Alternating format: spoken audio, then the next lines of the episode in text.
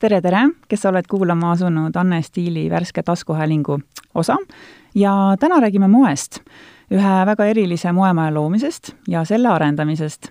olen stuudiosse kutsunud ähm, Eesti moekunstniku Lilli Ahilo ja mina olen Anne Stiili peatoimetaja Mari-Liis Helvik, head kuulamist!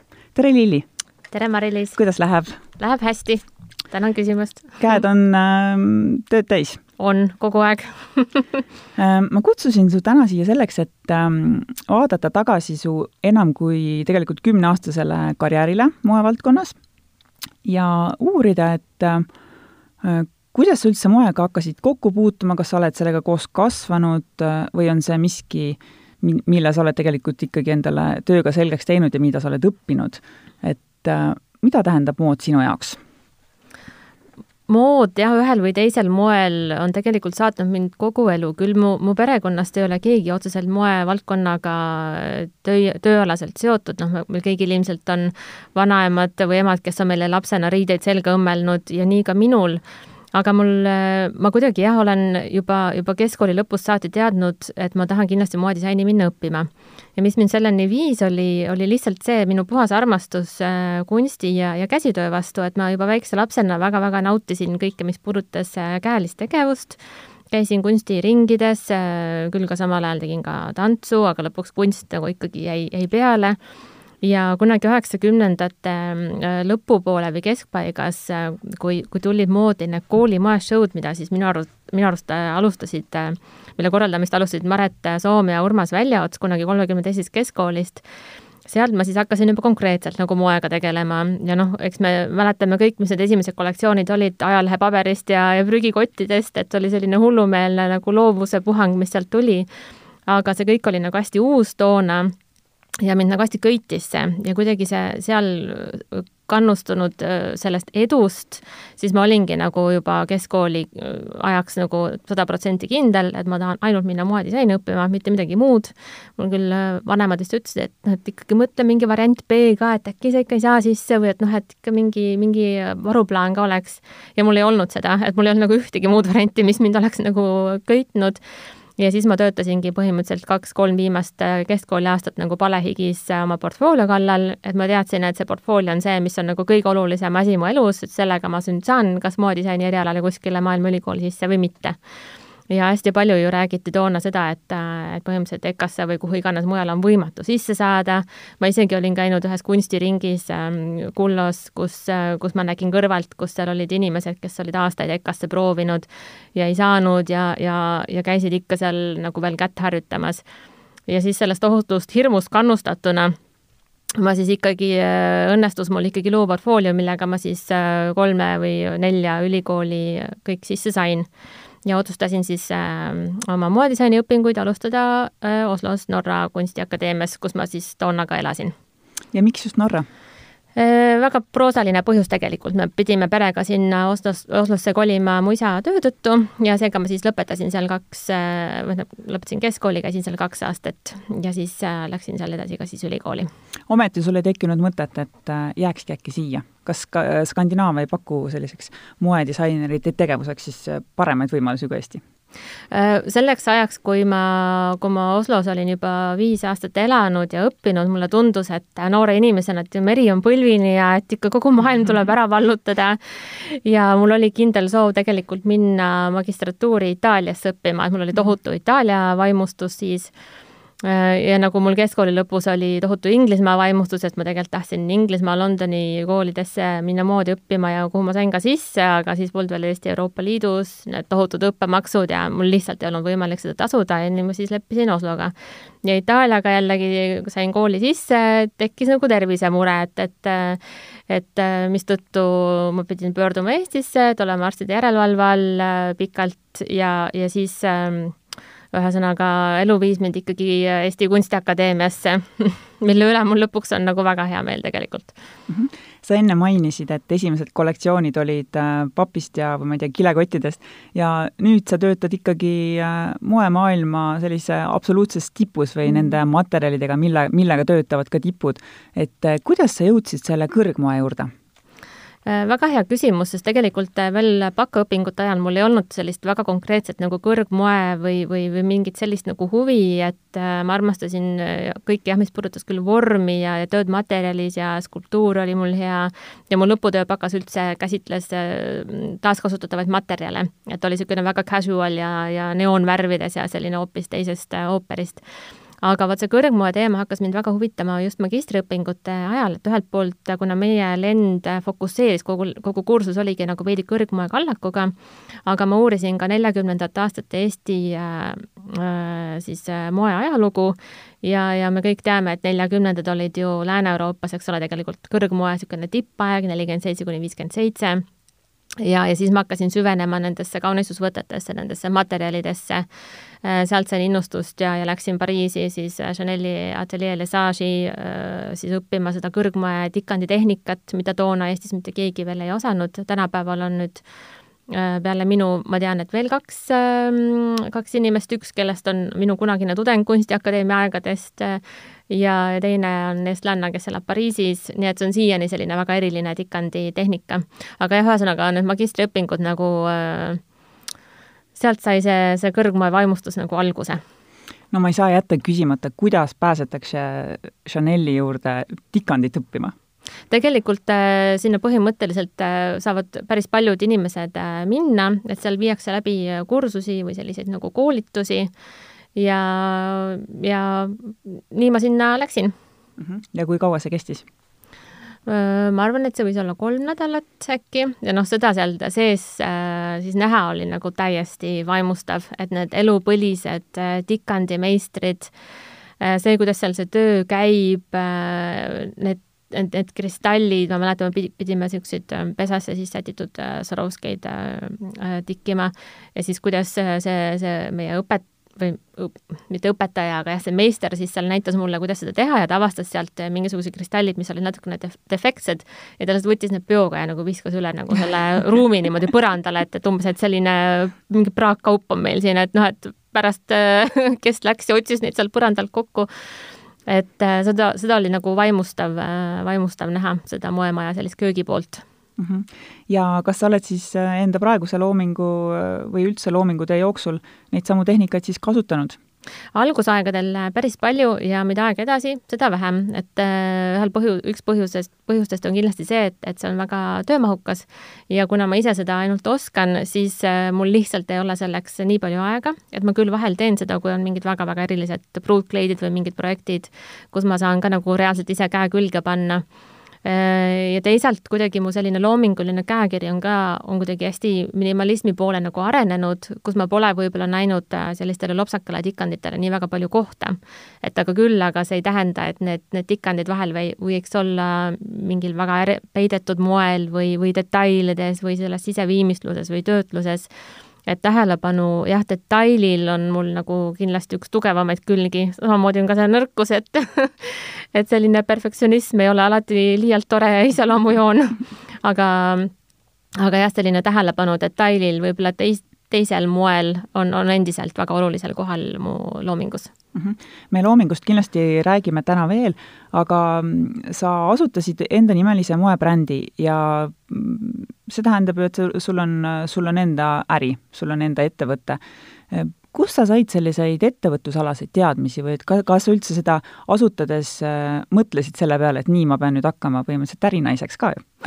Tegelikult, kui veel tagasi minna, mul ei olnud üldse kunagi soovi äh, oma moemaja luua. Oh.. et äh, mulle tundus, et see on nagu nii ulmeline asi, et omanimeline mingi moebränd, et mulle tundus, et ainult mingi maailma kõige andekamad disainerid, kellel on mingi kuldne täht pea kohal, kuidagi ära valitud inimesed, et nendel on nagu see võimalus. et, et minu ellu see kuidagi nagu tuli tegelikult. et vist see kuidagi sai alguse sellest, et kui toimus Erki moeshow, mis ta siis toona esimest aastat toimus üldse võistlusena, siis ma oma lõpu, magistri lõpukollektsiooniga selle võitsin ja sealt sain hästi palju kuidagi tähelepanu, mulle tulid kliendid, tulid esimesed äh, iseseisvus vastuvõtu äh, kliendid ja kuidagi sealt nagu läks see lumepall veerema. samal ajal ma tegin oma lõputööd koos äh, Tehnikakõrgkooli kahe rätsepa tudengina, kellega ühega, kellest ühega meil tekkis väga hea klapp ja kellega me sisuliselt koos juba nagu alustasime sellist nagu väikest viisi ateljee toimetamist ja, ja siis umbes järgmisel, pärast kooli lõpetamist järgmisel aastal või isegi samal aastal ähm, korraldas Stockmanni kaubamaja veebruarikuus Eesti moedisainerite müügi. valisid siis kümme Eesti brändi välja ja ütlesid, et palun, et te saate oma asju siin müüa. ja ma tegin ka väikse kollektsiooni ja see üllatus-üllatus müüs päris hästi ja nad ütlesid, et jah, et Lilli, palun saada meile arve, et me maksame sulle selle raha ära mm. -hmm. ja siis ma mõtlesin, et noh, et kas te niisama kuidagi ei saa seda ära maksta, et on seda siis arvet vaja, siis ütlesid jaa, ikka ilma arveta ei saa no vot, ja tegelikult see oli enam-vähem see põhjus, et mis ma siis mõtlesin, et okei okay,, ma siis nüüd registreerin selle ettevõtte ära ja, ja saan siis selle nagu arve kirjutada. ja, ja, ja ühesõnaga kuidagi sealt saigi see nagu alguse tegelikult Mm -hmm. ja, ja, ja siis üsna peatselt äh, ma liitusin, ma siis lugesin sellisest asjast nagu Tallinna Loomeinkubaator, mis oli just äh, kaks tuhat kümme või üheksa või midagi sellist äh, asutatud ja siis ma sain aru, et oh, see on täpselt mulle, et need inimesed, kes tahavad äri teha ja kellel on ettevõte, aga tegelikult, kes sellest mitte midagi ei tea. Ja siis ma nendega liitusin. Ja mis siis sai? Äh, siis ma rentisingi seal nende juures siis esimese sellise ametliku ateljee ruumi äh, Veereni tänaval, äh, endises siis Baltika hoones.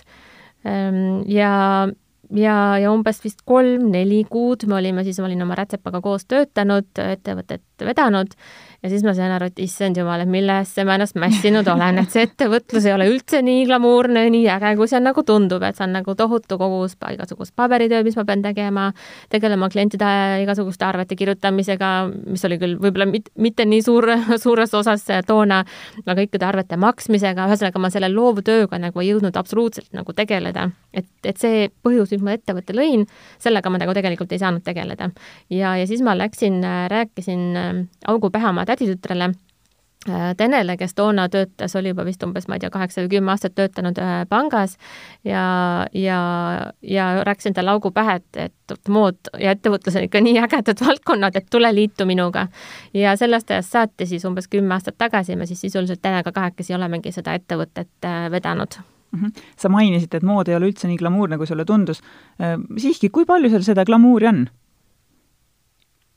Võib-olla need päevad, kui sa oled äh, stuudios, pildistad uut kollektsiooni ja siis näed seda modelli selles outfit'is ja tal on sätitud soeng ja, ja, ja kõik see outfit on koos, siis vaatad, vau, et see on nagu päris äge või see on nagu, seal võib-olla siis näeb seda glamuuri.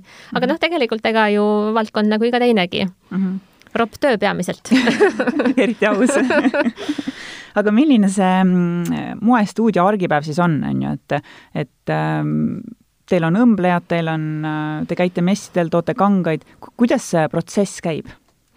no minu töös nagu rutiini kui sellist ikkagi ei ole, sellepärast et ma olen nagu üks jalg ettevõtja kingas, üks jalg äh, disaineri või loovisiku kingas ja ma pean väga-väga paljude erinevate ülesannetega nagu iga päev tegutsema või toimetama. Ja hästi palju sõltub sellest, et äh, mis kuu on või mis ajahetk on, et noh, me teeme kaks korda aastas, teeme kollektsioone. Äh, küll me individuaaltellimusi teeme, teeme oluliselt vähem viimastel aastatel just sellepärast, et me tahame edendada eksporti ja tegeleda selle poolega rohkem ja kõike lihtsalt ei jõua noh, kui see on nagu praegu selle nädala peale näiteks mõelda, et siis mul on fookuses ikka kahekümne neljanda veebruari kleidid, äh, mis on siin mõningad vaja disainida.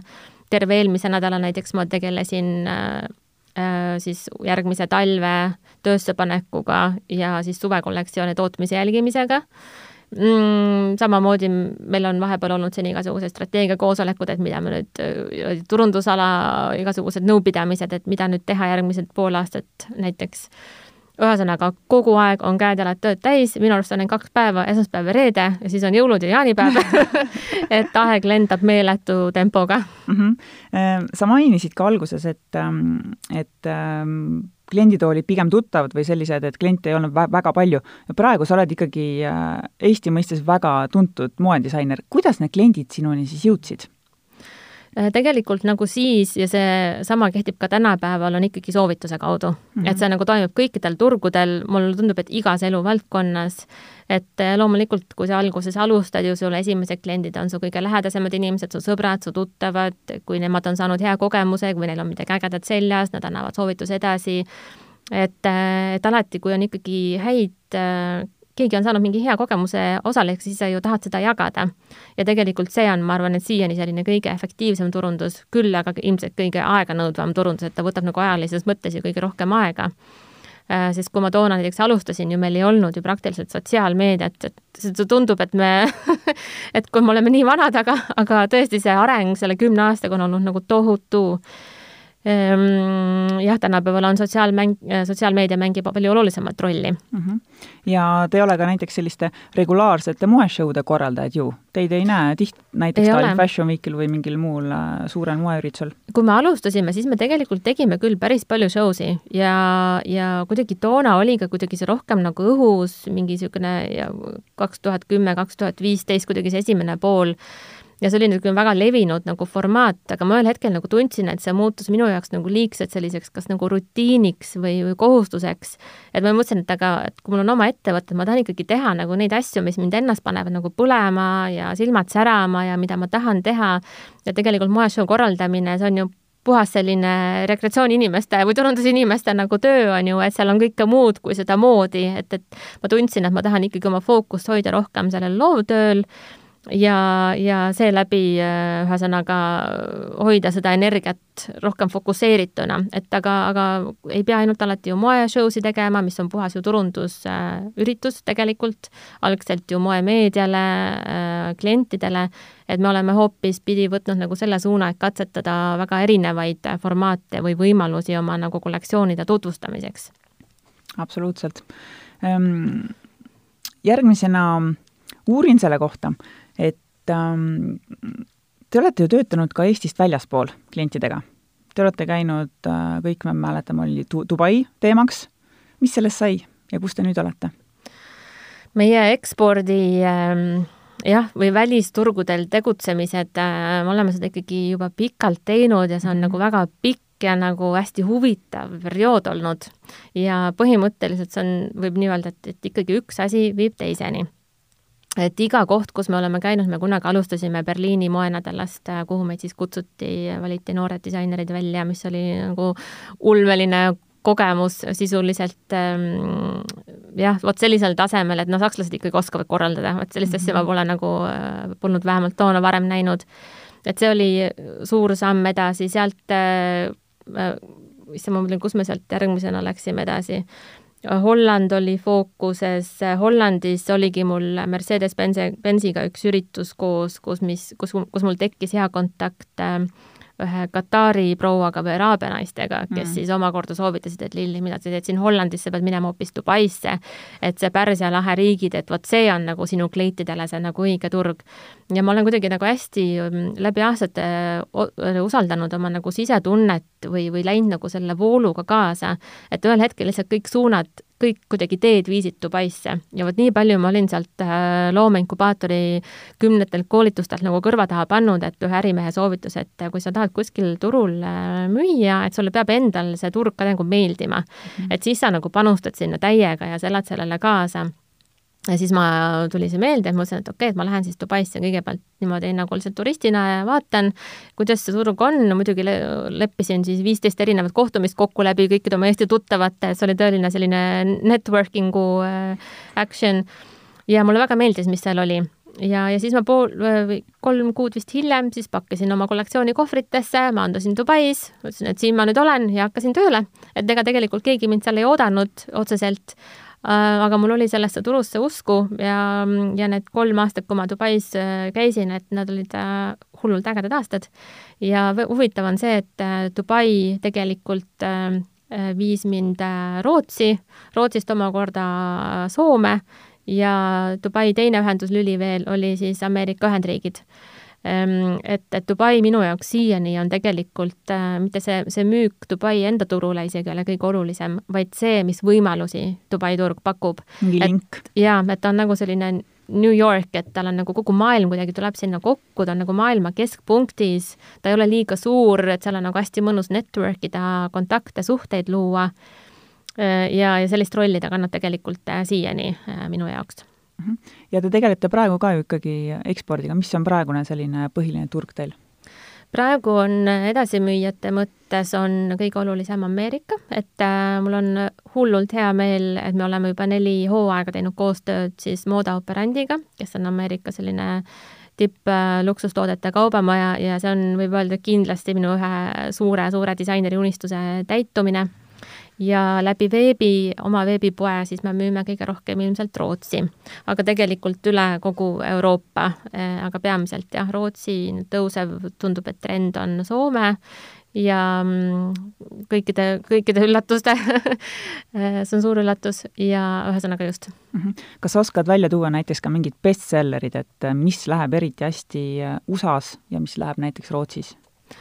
Eh, seda ette ennustada me ei oska mitte kunagi -hmm. et me vahel isegi teeme sellist mängu, et vot kes paneb mis panused mis mudelile ja see praktiliselt ei lähe kunagi täppi. Eh, et seda on väga, väga, väga huvitav alati on, on, on saada siis neid kollektsioonide müügi kokkuvõtteid, et mis on nagu need best-selling nagu tooted. et küll aga võib-olla, kui näiteks Modeoperandi on ju puhtalt veebiplatvorm, et, et et eh, näiteks noh, on teada-tuntud tõde, on ju, et veebipoest on väga raske müüa musti tooteid. et eriti on ju mustad mingisugused pitsid mustal põhjal, on ju mingid faktuurid üleüldse, et, et mustast tootest on väga raske aru saada, mis kvaliteediga ta on ja mis tegumoega ta on.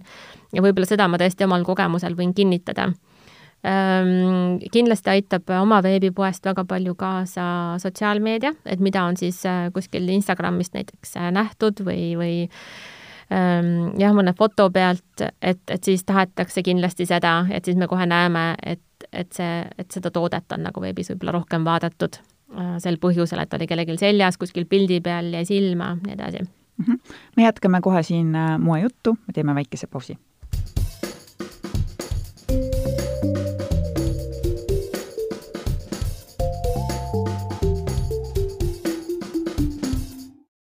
ja oleme tagasi stuudios, meil on külas äh, Lilli Ahilo ja räägime moest, tema moemajast, tema plaanidest ja si-, seni saavutatust. Äh, Lilli, kui oluline on äh, moebrändile, mm, noh, see on selline retooriline kü-, küsimus, millele me, me juba tegelikult vastust teame, kui oluline on moebrändile see, et ta on ähm, kantav siis kuulsuste poolt, blogerite poolt, et ta on sotsiaalmeedias ja meedias nähtav?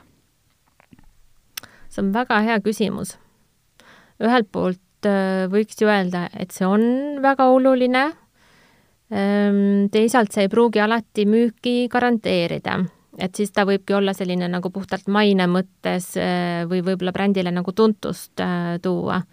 ja kindlasti on ka brände, kes ei ole sotsiaalmeedias absoluutselt aktiivsed või, või, või kellel pole võib-olla kuulsaid fänne, aga mis müüvad nagu väga hästi. et ma arvan, et et, ähm, et siin ongi, iga bränd peab nagu justkui leidma sellise oma niši ja ja mõtlema, et kes on siis tema klient või tarbija ja mis on tema see turundussuund, kuhu minna, et, et selles osas ju pole mingisuguseid äh, reegleid. et, äh, et kuidagi ähm, jah, meie, ähm, ma mõtlen meie kogemusest äh, no meie põhi ikkagi äh, klient on selline ennast väärtustav naine, teeb ta siis, äh, on ta siis tööle pühendunud, äh, kasvatab ta lapsi, ta ilmselt reisib palju, tal on aktiivne elustiil ja ta tahab ennast tunda oma rõivas hästi, mis oleks kvaliteetne ja püsiks ajas ja kui on veel tuntud inimesi, kellel, kes on meie kliendid, kes jagavad neid fotosid või mida meil on võimalus jagada, siis me oma sotsiaalmeedias seda heal meelel äh, teeme. et küll aga näiteks Eesti naistega on tihti see, et, et Eesti naised on pigem tagasihoidlikumad, nad äh, meelsamini endast ei tee pilte ega ei jaga neid äh, ja ei hakka kindlasti meile ka eraldi neid saatma. nii et ma olen alati väga õnnelik, kui mõni klient saadab meile pildi, kus ta on oma või meie kleidis äh, siis pildi peal, et äh, et neid hetki liiga palju ei ole, nii et seda enam on meil hea meel neid jagada ja neid näha mhm. no kas sa võid öelda, kelle seljas sa tahaksid enda loodud kleiti näiteks näha? Neid naisi tegelikult on, et nad on võib-olla, Eestis on mõningaid naisi, välismaal on, et ähm, et, et küll see ühel päeval äh, ka juhtub, et noh, kas või äh, juba printsess Sofia seljas meil kleiti näha oli ju suurepärane, et kindlasti on, on, ma arvan, nii mõnegi disaineri unistuseks võib-olla, et mõni selline kuningapere liige kunagi tema, tema mingit loomingut kannaks. ja see oli kindlasti väga, väga tore ja eriline hetk näiteks mm. -hmm. no sa oled nüüd teinud ähm, moodi pakkunud äh, meile kümme aastat rohkem kui kümme aastat, eks. millised on olnud selle aja jooksul sellised äh, sinu kui ettevõtja, sinu kui disaineri sellised suurimad äh, tööalased väljakutsed?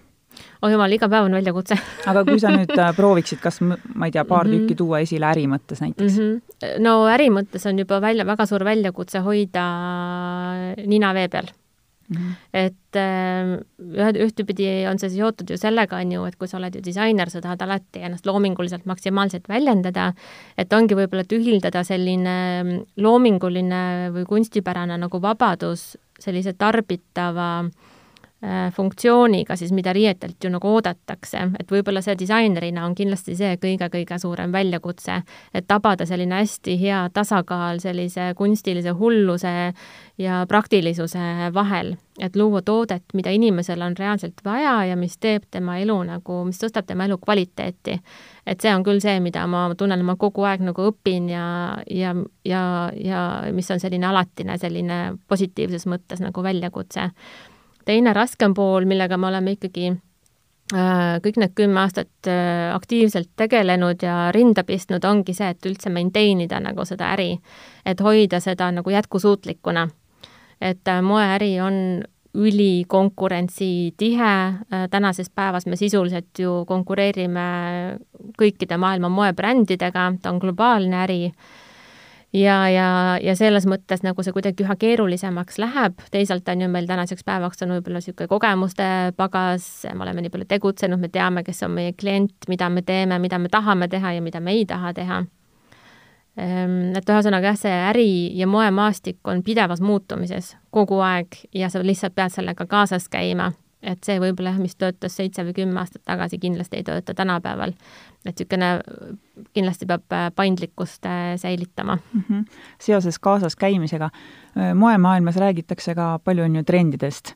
Ähm, kas see on vähekene teistmoodi nagu disainer brändi puhul, et me teame, et kiirmoekettides on trendid, on iga nädal on kaks uut trendi sul pakkumisel, eks aga kui nüüd rääkida mm, teie vaates ja nagu disaineri vaates ja sellises äh, moestuudio vaates, kas teie loote ka trende ja millised need on ja kui tihti need vahelduvad? Ma, ma arvan, et öelda, et me loome trendi, on võib-olla liialt ambitsioonikas, et ma mm -hmm. vist ikkagi seda nagu päris ei julgeks äh, väita, küll aga ma arvan, et iga, iga disainer, et tal on ikkagi tundled väljas ja ta haarab nagu õhust seda, mis on hetkel, äh, hetkel siis nagu moes, võib ka nii öelda. Et seda on ju nii palju nähtud, kuidas samaaegselt välja tulevad kollektsioonid on mingi väga sarnase mingisuguse elemendiga või, või, või mingi moment käib seal läbi, äh, mis lihtsalt ongi õhus et kui sa oled disainer, siis sa haarad selle, et selleks, et ma ei pea üldse mingit, ma ei tea, mingit trendiennustusblogisi vaatama või, või, või kuskilt seda nagu näpuga järge haarama, see lihtsalt, see lihtsalt on õhus ja sa lihtsalt teed seda. et äh, seda sise, sisetunnet tuleb äh, usaldada, sellest lähtuda äh, ja, ja nii lihtne see tegelikult ongi, et küll aga meie jah, otseselt nagu ikkagi trenditoodet ei tee, me niisugune moodne klassika on sisuliselt meie brändi ähm, selline tunnusjoon, võib ka nii öelda. et seal on, ta peab olema moodne, ajakohane, aga siiski püsima ajas. Et mul üldse ei, ma üldse ei salli vanamoodsaid asju, ähm, et teinekord võib-olla ongi natukene isegi raske, et kodupublik teinekord ei lähe nagu ajaga või vajab ühesõnaga rohkem aega, et mingite uute suundadega nagu harjuda et ma mäletan, et kui see midi pikkust, ähm, mida ma juba, ma ei mäletagi, kui palju aastaid tagasi hakkan tegema, siis äh, hakkasin tegema, siis alguses oli, paljud ütlesid, et issand, see on nii vanamoodne ja ma mõtlesin, et see on ammu juba ringiga tagasi, et mm -hmm. et see põlveni pikkus on, on ju vanamoodne, et ähm, et vahel jah, mingid asjad lihtsalt võtavad aega, et selle, seda enam on nagu toredam tegeleda välisturgudega, kus võib-olla naised on vastuvõtlikumad, võib-olla julgema maitsega jah, jul-, jah, julgema maitsega võib-olla, et, et sa näed, et, et su loomingust hinnatakse ka midagi muud kui, kui võib-olla väga konservatiivse joonega kleiti näiteks mm. -hmm. ja samas see konservatiivse joonega kleit võib ju teenida sind reaalselt aastaid. absoluutselt, ja see ongi äh, see, mida meilt ilmselt kõige rohkem tullakse mm -hmm. vaatama või ostma ja, ja neid me oskame teha. et meil on reaalselt kliente, kes võib-olla ostavad uue kleidi endale iga viie aasta tagant, sest nad ütlevad, et see peab nii hästi vastu ja täpselt nii ongi, et ma ka ju ise katsetan väga paljud tooted enda peal äh, läbi ja ma näen, et äh, ma tõesti, mul on kleite, mis on mul juba, ma ei tea, neli-viis aastat kapis ja nad ei näita mingeid vananemise märke, et ise tuleb vormis püsida jaa, täpselt. ja tegelikult mulle endale tundub ka, et, ähm, et, et kui rääkida trendidest, siis moekunstniku puhul on äh, esmatähtis nagu moekunstniku enda käekiri ja nagu see tema, see isiklik nii-öelda see touch selle asja juures ja see ongi see tema trenn, milles tegelikult tema noh, äh, suuremal või vähemal määral laveerib et võib-olla see nagu see mm -hmm.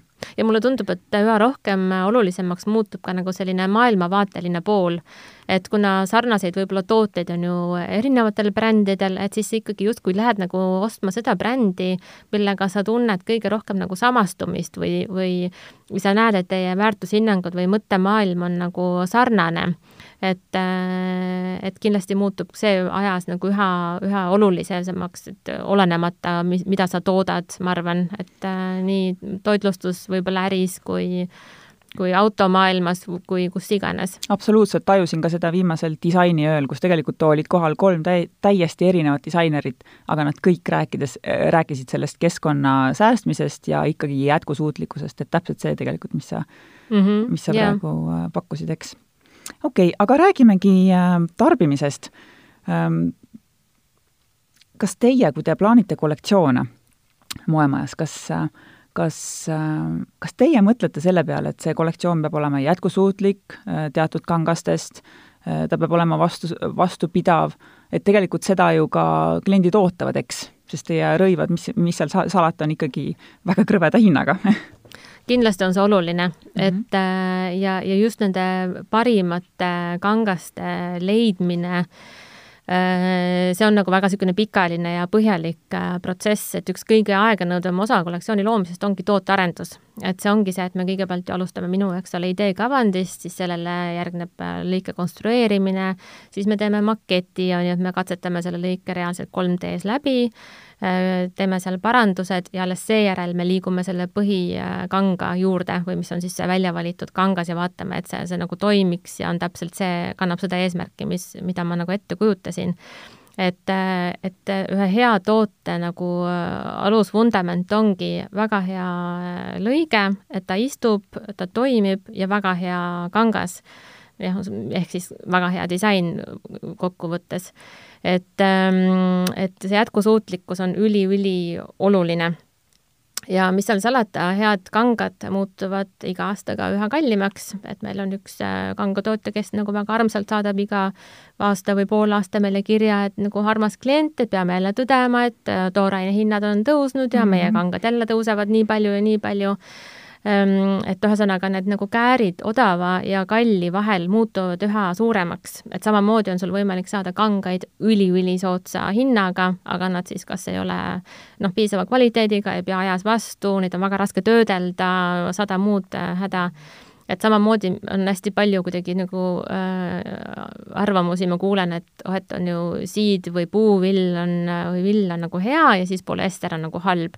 et tegelikult ei ole, et, et kõik taandub selle kiu nagu kvaliteedini, kuidas on ta nagu menetletud, kui pikk on tema eluiga, et sul võib olla ka villa või siidi, mis on kohutavalt kehva kvaliteediga, mis äh,, mis kohe, ma ei tea, kas hakkab äh, pillima või laguneb laiali või, või kude läheb hõredaks või mida iganes et äh, meie jaoks on, on selle, selle kanga nagu kvaliteet nagu esma, esmatähtis, et ta üldse kannataks hea toote loomist.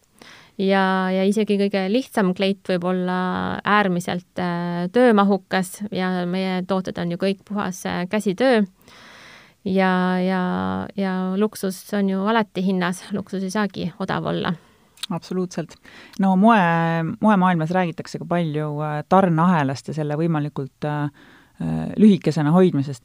milline on see teie tarneahel? Äh, meie tarneahel on siis selline, et me kasutame peamiselt Euroopas loodud kangeid, tarnime need enda juurde, meie kõik meie tooted on Eestis tehtud ja siis me siit omakorda ship ime need laiali, et alati me äh, kangatootjate puhul äh, katsun nagu võimalikult äh, pildis ette saada, et kuidas on need toodetud, on neil need sertifikaadid või mis on nende põhimõtted.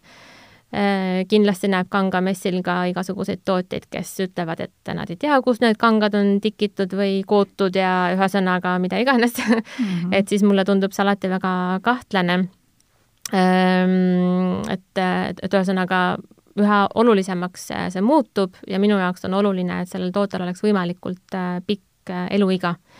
et, äh, et see on nagu esma, esmane kriteerium kindlasti mm. -hmm. kui sa oled nüüd kümme aastat valdkonnas sees olnud, kas sa mm, oskaksid öelda, et mismoodi on kümne aastaga Eesti naiste selline moe tarbimise harjumus muutunud ja kas see üldse on muutunud ja kui, siis milliseks?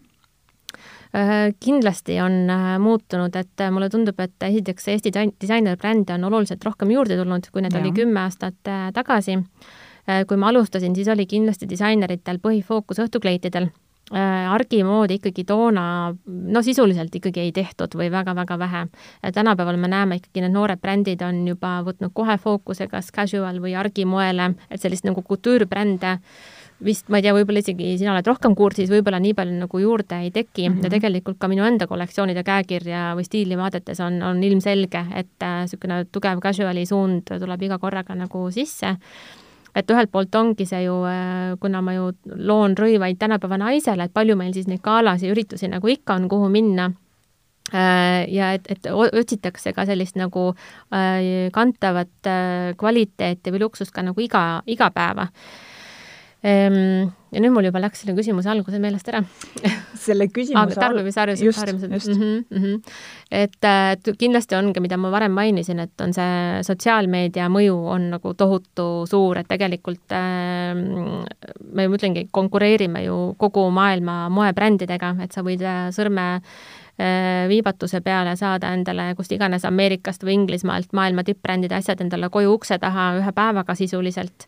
et see online-kaubandus kindlasti on väga palju mõjutanud, ühtpidi on see ka avanud ju meile palju uusi uksi, on ju, et ka meie Eesti disainerid või meie bränd on ju, võib jõuda inimesteni üle terve maailma äh, ja mul on nagu hästi hea meel näha, et, et naised on ikkagi nagu taandumas sellisest äh, ülirõhutatult naiselikust võib-olla suunast et kui alles võib-olla kuus aastat tagasi ei tulnud kõne allagi, et keegi tööle ei läinud näiteks kontsakingadega või kontsasaabastega, siis tänapäeval on see nagu pigem haruldus ja teine huvitav tendents on näiteks see, et mis puudutab ähm, siis niisuguse avarama joonega kleite, et äh, mul oli umbes aastal kaks tuhat kolmteist üks kollektsioon, kus mul olid mitmeid niisuguseid ilusaid nii õhtukleite kui, kui argikleite, mis olid avara joonega ja ma mäletan, et neid põhimõtteliselt oli nagu võimatu müüa.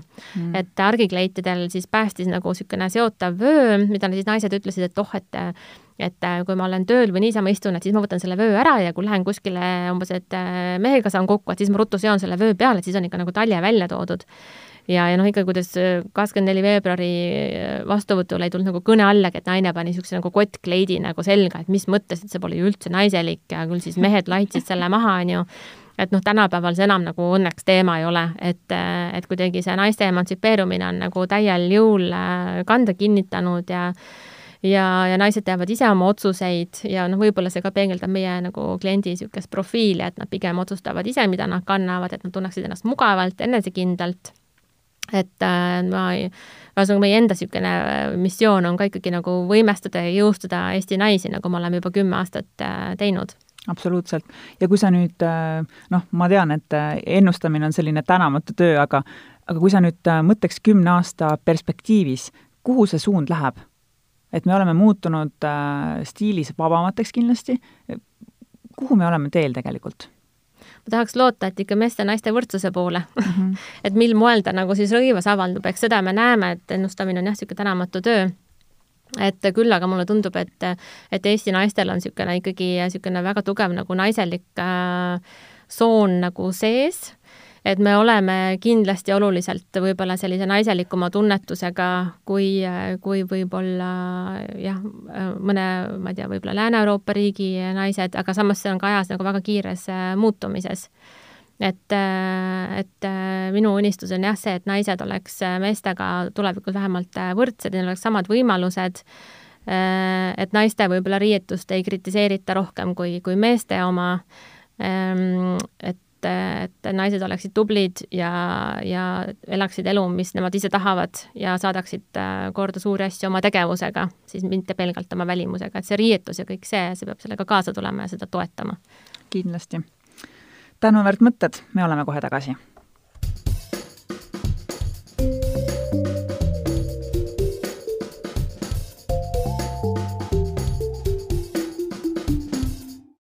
Anne Stiili podcast on äh, jätkuvalt eetris ja aitäh, et oled valinud meid kuulamiseks. täna räägime moest ja stuudios on äh, moekunstnik Lilli Ahilo. Lilli, räägime tarbimisest veel. Ähm, millal sina viimati endale käisid riideid poodlemas? hea küsimus. kus me oleme praegu, jaanuaris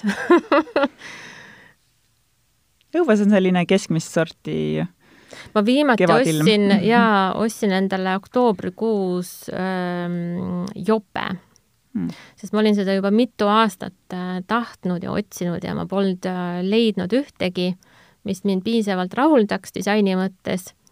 ja siis ma käisin äh, Brüsselis ja ootamatult kõndisin ühest poeaknast äh, mööda ja siis ma nägin täpselt sellist jopet, nagu ma olin otsinud ja minu suureks rõõmuks oli see taaskasutatud polüestrist, taaskasutatud linnusulgedest, kõik oli fully nagu recycled ja, ja siis ma tegin selle, sooritasin selle ostu ja ma loodan siis nüüd vähemasti pool järgnevat elu sellega ringi käia loodame, et õnnestub.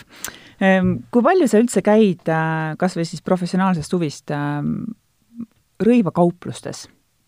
Tegelikult äh, tuleb tunnistada, et ma väga ei käi, et ma pigem, mina olen vist uue generatsiooni pigem online shoppaja, et ma võib-olla pigem vaatan jah, professionaalsest huvist, et mis toimub äh,, mida teised brändid teevad või mida online kaubamajad teevad, et tegelikult ma olen üsna närb shoppaja, et kui ma midagi tahan, et siis ma ikkagi alati äh, või tahan sellist nagu poekogemust, siis ma ikkagi lähen pigem Eesti disainpoodidesse äh, et, et aga liialt väga ei käi, et öeldes elu on tohutu kiire ja, ja, ja nagu öeldakse, et äh, veebipoodide põhi äh, shopping'u aeg on öö, öösel mm, -hmm. sest siis on kõikidel, kes on siis unetud või kellel on siis aega, et see on aeg, kui nagu shopatakse.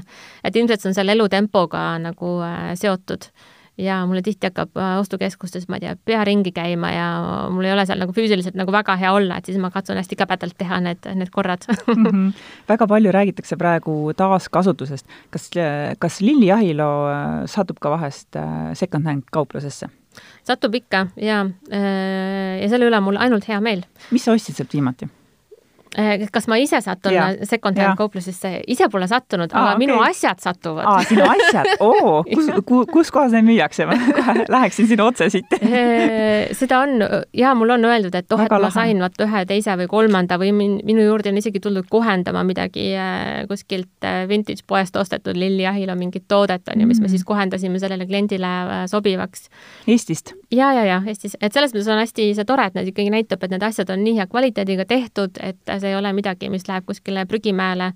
Äh, kui siis jõuavad äh, kuskile second-hand poodi või siis, äh, mida me ikkagi enamasti kuuleme, on see, et need ikkagi hoitakse alles, ähm, kas siis kannad selleks hetkeks, kui sa oled taas oma mingi soovitud kehakaalu saanud, või siis antakse edasi juba siis mhm. järgmisele põlvele kanda. Mhm. et need on ikkagi sellised nagu heirloom tüüpi, tüüpi tooted, millel on tõesti pikk eluiga. kindlasti.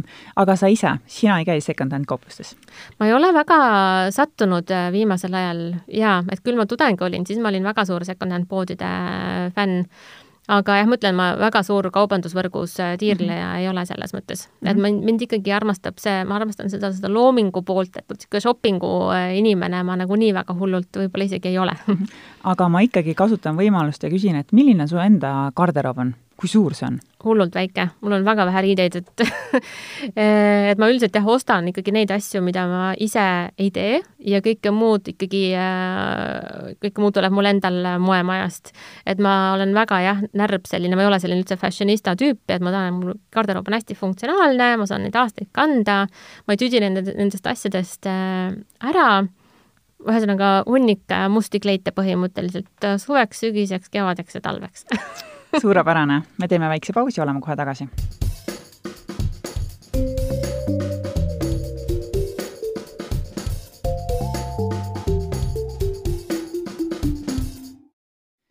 tere taas, kuulate Anne Stiili podcasti ja stuudios on äh, Mari-Liis Elvik ja Lilli Ahila. Lilli, lõpetuseks äh, räägime sellest teemast, mis äh, kõiki huvitab, räägime rahast äh, sinu asjad, nagu me ennem äh, main-, nagu ma enne ka mainisin, on äh, Lilli Ahilo totod on päris äh, krõbeda hinnaga. millest kujuneb see hind tegelikult moeeseme puhul? ma hea meelega müüks neid asju odavamalt, kui see oleks kuidagi võimalik.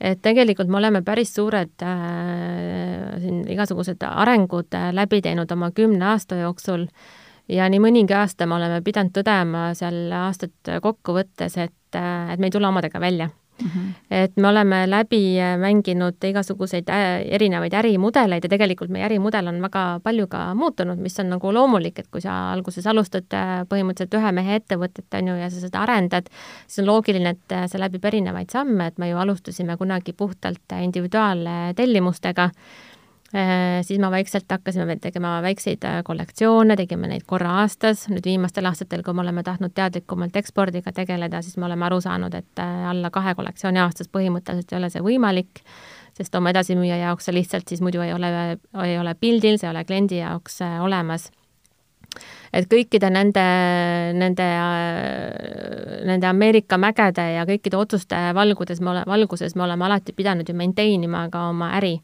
Et äh, meil ei ole ühtegi finan-, äh, ma ei tea, investorit või, või kuskilt äh, rahapuud ka kahjuks nurgas ei kasva, et me oleme nagu self-sustainable, et me, kogu raha, mis me teenime, tulebki meil puhtalt põhimõtteliselt kleitide müügist ja selleks, et, et seda hoida, tasuda ära ka riigimaksud, et niisugune aus äri on mul alati selline põhimõte olnud Äh, kui kõik see arvesse võtta, siis sisuliselt ühe kleidi hinnaks kujunebki umbes kaheksasada eurot. Äh, kindlasti saab seda hinda tuua alla siis, kui me kasutame kehvemaid kangeid, kui me lihtsustame oluliselt äh, tehnoloogiaid, ehk siis ähm, jah, need tooted oleksid oluliselt kehvema kvaliteediga ka seeläbi, aga selline, sellist toodet ma ei taha teha. Et, et, et juba algusest peale, kui ma alustasin, siis, äh, siis oli igasugused ärimentorid ja kes meid aitasid, tulid ja ütlesid, et tead, et Lilli, ma annan sulle head nõu, et, et, ähm, et hakka tootma kuskil Aasias ja, ja siis sa vaata, saad toote omahinna hoida hästi madala, marginaal on hästi suur, et nii on nagu sul õige äri. ja loomulikult oli neil õigus, sest maailma kõige edukamad moeettevõtted just sellepärast ongi edukad. aga vot see maailmavaade või selline, äh, selline selline toode, see, see ei ole see, mida tegelikult maailmas vaja on. et meil on vaja jätkusuutlikku, head, äh, kvaliteetset toodet ja kui sa seda tahad teha, siis seda odava raha eest on väga-väga raske teha. et sisuliselt selles äris, vähemalt meie, meie ettevõttes puudub igasugune liigkasu võtmine või, või lihtsalt mingisuguse äh, kasumi äh, tagaajamine äh, või mingi rikkuse saavutamine, et kui me hoia, suudame nina vee peal hoida sellega, mida me teeme, siis on nagu see juba meie jaoks suurepärane et, et mis puudutab ka igasuguseid neid ettevõtlustoetusi, eksporditoetusi, et need ongi nagu väga sellised nagu projektipõhised, aga me peame andma mõista, et tegelikult kogu eksporttegevus on pikaajaline, see võtab aastaid ja aastaid ja see paljuski tugineb tegelikult meie enda motivatsioonil või sellisel ambitsioonil eh, ja sisepõlemisel on ju, kui palju ja mida me, mida me tahame teha. Ja kõik, aga sellised tegevused nõuavad väga suurt investeeringut, mida me ju ise finantseerime sisuliselt nii et äh, kui oleks vähem ambitsioone, kui teha kehvemat toodet, kui mitte luua originaaldisaini, äh, jah, ja kui seda toota massides, siis saabki pakkuda odavamat toode, äh, odavamat hinda mm. -hmm. kui palju teil õmblejaid töötab?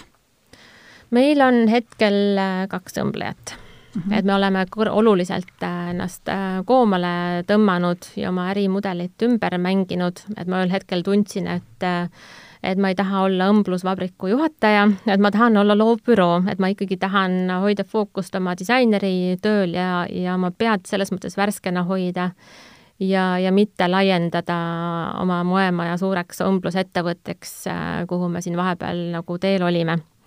et, et eelmine aasta me tegime mitmeid olulisi muudatusi ja otsuseid, mis osaliselt jällegi äh, tulenes äh, terviseprobleemidest, et äh, see ikkagi, see pikaajaline stress äh, tegi oma töö ja ma tundsin, et ma pean midagi muutma, et, et lõpuks mind on maailmas ainult üks ja kui me tahame, et see ettevõte oleks jätkusuutlik, siis peab ennast nagu veidi säästma ja tegema targemaid otsuseid.